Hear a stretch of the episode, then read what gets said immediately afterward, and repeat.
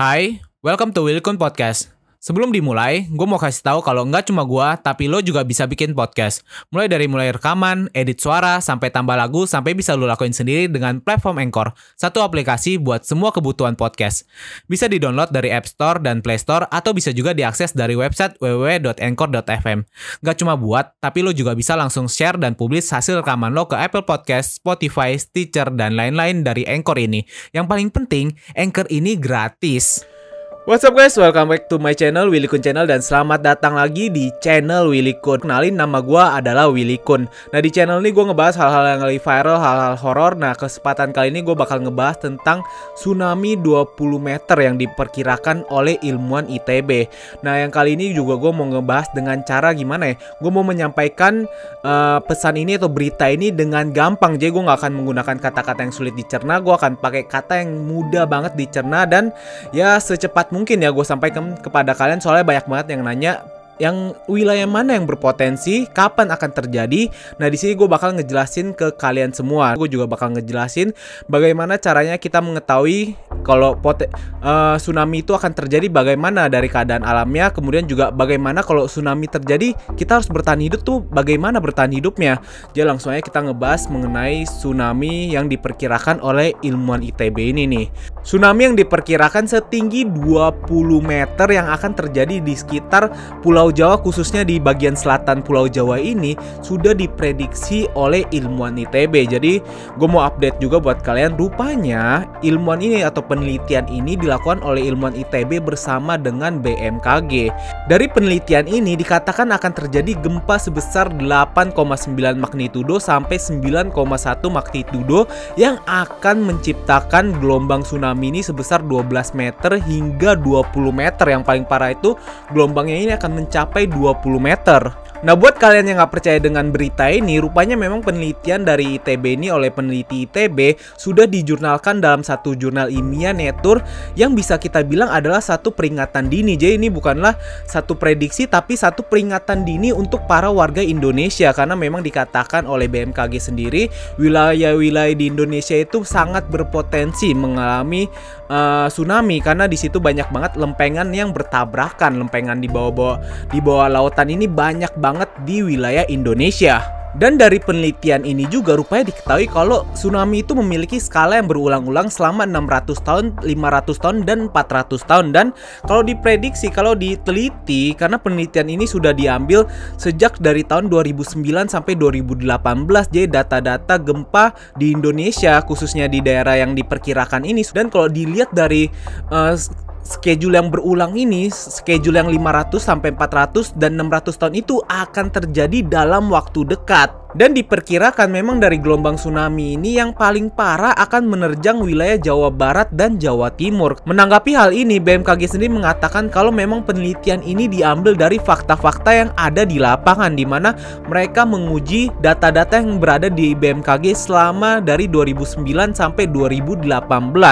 Jadi memang ini peringatan dini yang bisa sangat dipercayai. Nah dari berita ini gue banyak banget dapat pertanyaan di mana wilayah yang akan terdampak dari gelombang tsunami 20 meter ini. Nah, jadi bakal gue sampaikan kepada kalian kalau BMKG sendiri sudah memberitakan ada 14 wilayah yang sangat berpotensi terkena dampak tsunami 20 meter ini nih. Kalian bisa lihat sendiri di sini yang pertama udah ada Jawa Barat, yang kedua Jawa Timur, kemudian ada 12 lainnya di sini. Memang dikatakan di sini yang berdampak besar itu ada di Pulau Jawa. Nah, kalau kita lihat dari peta, di Pulau Jawa ini yang paling berdampak adalah pulau adalah kota-kota yang berada di di, di sisir bibir pantai nih. Jadi bagian selatan dari Pulau Jawa itu berada dari kisaran Banten kemudian ke bawah ini. Nah, kemudian ke Cilacap, daerah selatan Yogyakarta. Kemudian kalau efek gelombang tsunami ini sangat besar, bisa sampai ke sekitar selatan Bali gitu.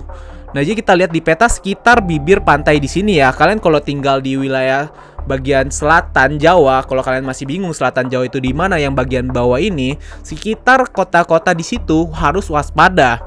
Nah, di sini juga BMKG memperingatkan sebenarnya uh, walaupun di sini diprediksi diperkirakan akan terjadi di Pulau Jawa, tapi uh, BMKG sendiri tidak menutup kemungkinan terjadinya tsunami ini bisa di sekitar uh, pulau-pulau uh, di pulau-pulau Nias, di pulau Siberut ini bisa terjadi juga. Jadi kalian juga harus waspada. Kemudian sekitar di daerah Banda Aceh juga termasuk wilayah yang harus mewaspadai kejadian ini. Nah, kemudian ada juga yang cukup menarik gue perhatikan walaupun berita ini meng-highlightin banget Pulau Jawa rupanya ini kalau efeknya sangat terjadi sangat besar sekali bisa sampai ke arah Papua. Jadi kalau daerah Papua ini cukup cukup harus harus berhati-hati juga. Dan yang terakhir yang cukup gue kaget setelah gue baca beritanya dan gue mengetahui ada 14 wilayah yang sangat berpotensi uh, potensi yang menurut gue cukup menarik adalah di kota Manado. Jadi memang kota Manado ini di, dikatakan bisa bisa berdampak dari kejadian gelombang tsunami 20 meter ini. Nah, di sini gue juga mau menyampaikan kepada kalian kalau kalian udah tahu wilayah atau kota kalian termasuk dari 14 wilayah yang dikatakan BMKG ini cukup berpotensi. Di sini gue mau menyampaikan kepada kalian dan berkali-kali gue sampaikan kepada kalian, ini bukan mau melewati uh, mau melewati Tuhan gitu. Maksudnya uh, satu kejadian ini adalah suatu peringatan dini. Jadi kita bukannya mau ngelewatin Tuhan, kita mau kasih tahu ada satu kejadian dan menakut-nakuti kalian. Nah, di sini BMKG dan penelitian ITB, peneliti ITB itu sendiri mau menyampaikan kepada kalian ini adalah satu peringatan dini. Jadi bukan prediksi ya, satu peringatan dini di mana kita harus berwaspada gitu. Bukan mau ngelewati Tuhan, bukan mau menakut-nakuti kalian, tapi kan lebih baik kalau kita mengetahui ada peringatan dini itu. Jadi kita sudah lebih siap kan? Jadi di sini kalau kalian kota-kota kalian berada di 14 wilayah yang dikatakan oleh BMKG ini cukup berpotensi, gue harap kalian itu waspada tapi jangan panik dulu. Karena di sini gue juga mau nge-share ke kalian bagaimana sih kita melihat gejala-gejala alam sebelum terjadinya tsunami dan dan bagaimana cara kita melindungi diri kita atau menyelamatkan diri kita kalau terjadi gelombang tsunami itu. Nah, di sini tanda alam yang pertama kalian akan rasakan sudah pasti gempa. Nah, kalau kalian yang tinggal di bibir pantai, kalian tinggal di pinggir-pinggiran pantai gitu, kalian setelah merasakan gempa yang cukup besar atau gempa, kalian harus memperhatikan air yang berada di lautan. Kalau tiba-tiba di pantai itu airnya tiba-tiba kayak surut atau menghilang atau kayak kebuang begitu aja, kalian tuh udah harus memperhatikan ini adalah tanda pertama akan terjadi gelombang tsunami karena kalau kalian ketahui gelombang tsunami itu terjadi karena ada retakan di lautan kemudian air ini masuk ke dalam retakan itu. Nah, kalau sudah penuh dia akan kembali lagi dan terjadi gejala tanda alam yang kedua yaitu kalian mendengar suara geru, gemeru atau suara desisan air. Jadi kayak ada suara ombak besar banget tapi kalian nggak bisa melihat ombaknya karena jauh di lautan. What's up guys? Sebelum kita lanjut, kenalan dulu yuk sama temen gua namanya Anchor. Anchor ini adalah al all-in-one podcast editing platform yang membuat gue lebih mudah untuk rekaman, edit suara, tambah lagu, dan segala hal dalam pembuatan podcast yang sedang lo dengerin kali ini. Anchor juga bisa jadi temen lo juga loh. Cara tinggal download dari App Store atau Play Store atau juga bisa diakses di www.anchor.fm. Jadi download Anchor sekarang ya. Jadi suara besar desisan ini berasal dari arah kejauhan di lautan itu. Nah itu adalah tanda yang kedua. Kemudian tanda yang ketiga sebenarnya kalian bisa lihat dari hewan-hewan yang berada di alam gitu. Kalau di sini yang paling gampang kalian kalian lihat adalah burung karena burung itu bisa merasakan getaran yang cukup besar mereka juga bisa terbang jadi mereka itu bisa terbang dari uh, pulau yang berada di lautan karena ada ada gelombang tsunami yang cukup besar mengarah ke arah dataran tinggi. Tapi kalian di sini juga bisa memperhatikan hewan-hewan yang ada di daratan karena mereka juga bisa merasakan ada getaran di bumi. Mereka juga akan lari ke daratan yang lebih tinggi. Kemudian gejala yang ketiga adalah kalian akan merasakan rentetan gempa yang berikutnya. Jadi setelah ada gempa yang pertama yang cukup besar, kemudian kalian akan merasakan getaran-getaran berikutnya yang berasal dari rentetan gempa ini. Nah, kalau kalian sudah merasakan itu, kalian harus melihat lagi satu tanda alam yang sangat kelihatan banget yaitu adanya mendung, awan mendung.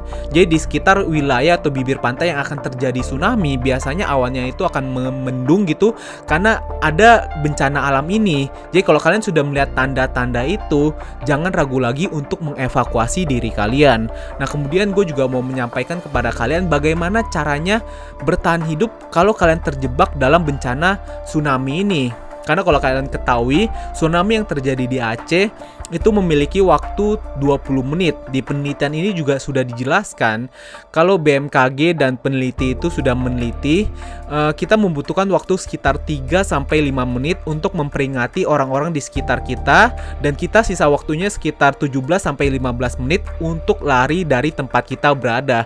Nah, di sini gue mau kasih kalian juga tips-tips sih untuk bertahan hidup ketika kalian ini mau mengevakuasi diri kalian.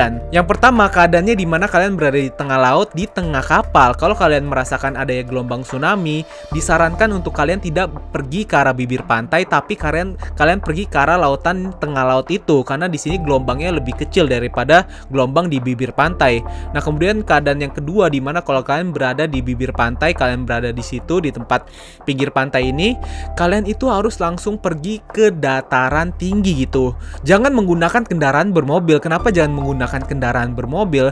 Karena ketika evakuasi itu pasti keadaan sangat chaos, keadaan sangat panik banget dan keadaan bakal super macet banget. Kalau kalian menggunakan kendaraan bermobil, kalian waktu evakuasinya itu akan lebih terlambat. Kemudian kalau misalnya kalian terjebak di dalam gelombang tsunami di dalam mobil itu, kalian tidak akan bisa keluar di e, dari mobil karena memang ada tekanan yang menutup pintu mobil. Tapi kalau kalian membuka kaca jendela dari mobil itu, air akan masuk dan menenggelamkan mobil kalian. Nah, kemudian kalau kalian sudah terjebak tidak bisa lagi lari untuk ke dataran tinggi disarankan untuk mencari benda-benda untuk dipegang seperti misalnya pohon, kemudian tiang listrik. Nah, di sini banyak banget yang bilang, "Kak, kalau megang tiang listrik pas keadaan tsunami itu takut kesetrum apa enggak?"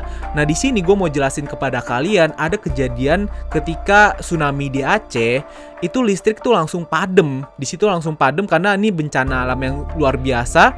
Listrik langsung padem, gak ada aliran listrik lagi. Dan gue juga mau kasih tahu ke kalian, kalau memang udah gak ada yang bisa kalian pegang, daripada kalian hanyut gelombang gelombang tsunami ini kayaknya lebih baik kalian memegang tiang listrik itu kan yang sudah padam tapi kembali lagi kepada kalian, kalau kalian memang lebih percaya tiang listrik itu ada aliran listrik, ya udah cari lagi hal yang lain yang bisa dipegang, misalnya seperti tower air atau bahkan kubah. Ku, kalian bisa langsung naik ke kubah masjid karena banyak banget kejadian di mana orang-orang yang berhasil selamat setelah naik ke kubah masjid di tsunami Aceh. Dan perlu kalian ketahui biasanya gelombang tsunami itu nggak terjadi satu kali doang tapi bisa 2 sampai tiga kali dan perlu kalian ketahui juga gelombang tsunami yang kedua itu biasanya lebih besar.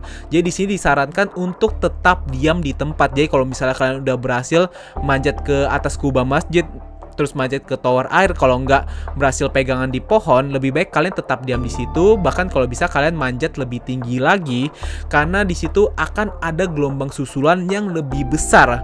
Jadi kalian diharapkan untuk berpegangan pada satu tempat agar tidak hanyut terbawa gelombang tsunami ini. Nah, kemudian tips terakhirnya adalah kalau kalian sudah melewati gelombang tsunami itu, kalian diharapkan untuk tetap berada di atas air dan mencari benda-benda yang mengapung kayak misalnya kasur atau mungkin kap mobil atau pokoknya semua yang untuk mengapung itu kalian harus berada di atas air. Kenapa di atas air? Karena biasanya di bawah air itu banyak banget benda-benda yang berlaluan kayak misalnya ada pintu atau bahkan benda-benda kayak pohon yang hanyut di bawah di bawah air, kalau kalian berada di bawah bawah air, sangat besar banget kemungkinan kalian akan terbentur benda-benda seperti itu. Jadi diharapkan kalian langsung naik ke atas ya, cari benda yang bisa kalian naikin tubuh kalian. Kayak kasur sama kap mobil itu udah sangat cocok banget.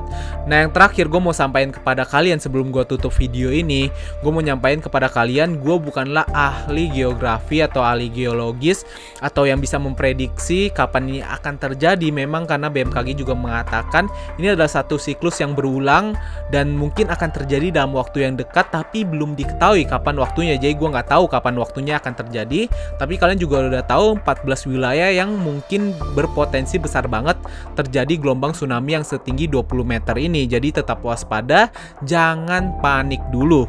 Nah dari video ini juga gue nggak mau menakut-nakuti kalian. Gue cuma mau memberikan peringatan dini kepada kalian. Jadi kalian bisa lebih siap untuk menghadapi kalau misalnya ini terjadi. Kalau misalnya tidak terjadi, ya syukur banget kepada Tuhan kan ini tidak ter terjadi. Kita sama-sama aja berdoa biar tidak ada yang buruk terjadi di Indonesia dan keluarga kita juga bisa dilindungin, ya kan? Jadi nggak ada salahnya kalau misalnya kalian mempelajari bagaimana caranya kalian bisa bertahan hidup atau mengevakuasi diri kalian dalam keadaan seperti itu. Atau kalian juga bisa mengetahui apa yang akan terjadi gitu. Misalnya kalau misalnya uh, bencana ini terjadi nantinya. Kemudian kalian juga bisa memprediksikan kan lebih awal kalau misalnya kalian merasakan ada gejala-gejala alam yang gue sampaikan kepada kalian. Gue juga sangat berharap, gue pribadi sangat berharap tidak ada gelombang tsunami yang terjadi, tidak ada bencana yang terjadi seperti ini. Tapi lebih baik kan gue sampaikan kepada kalian kan gak ada ruginya sama sekali.